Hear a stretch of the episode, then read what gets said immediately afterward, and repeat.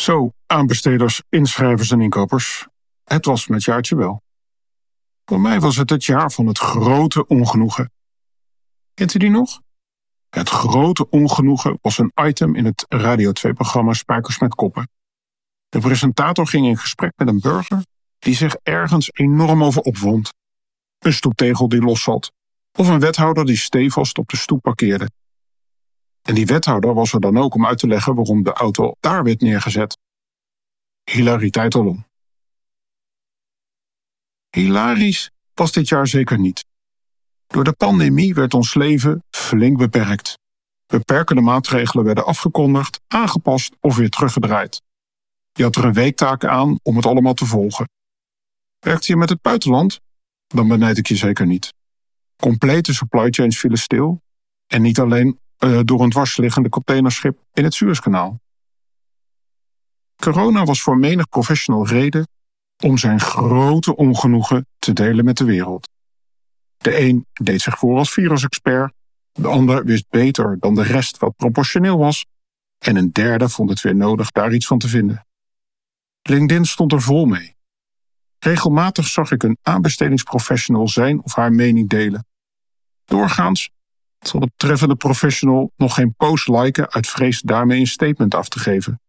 Maar nu was het ongenoegen zo groot dat hij of zij het niet voor zich kon houden.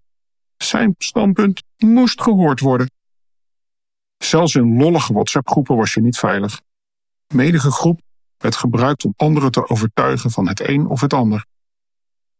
Uit pure balorigheid heb ik eens gedreigd de hele groep te gaan vervelen met mijn beursanalyses bij het eerstvolgende off-topic bericht.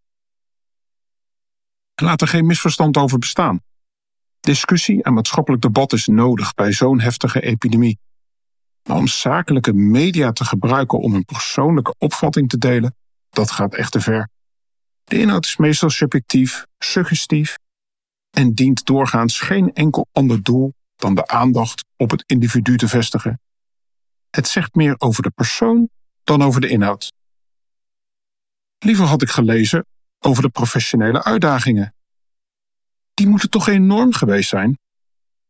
Of over de creatieve oplossingen voor de uitdagingen die de pandemie met zich meebracht. Aanbesteder, jouw werk is te belangrijk om te verzanden in geklaag over de omstandigheden. Jij zorgt ervoor dat de maatschappij functioneert. Jouw werk zorgt ervoor dat de centen zinvol worden besteed.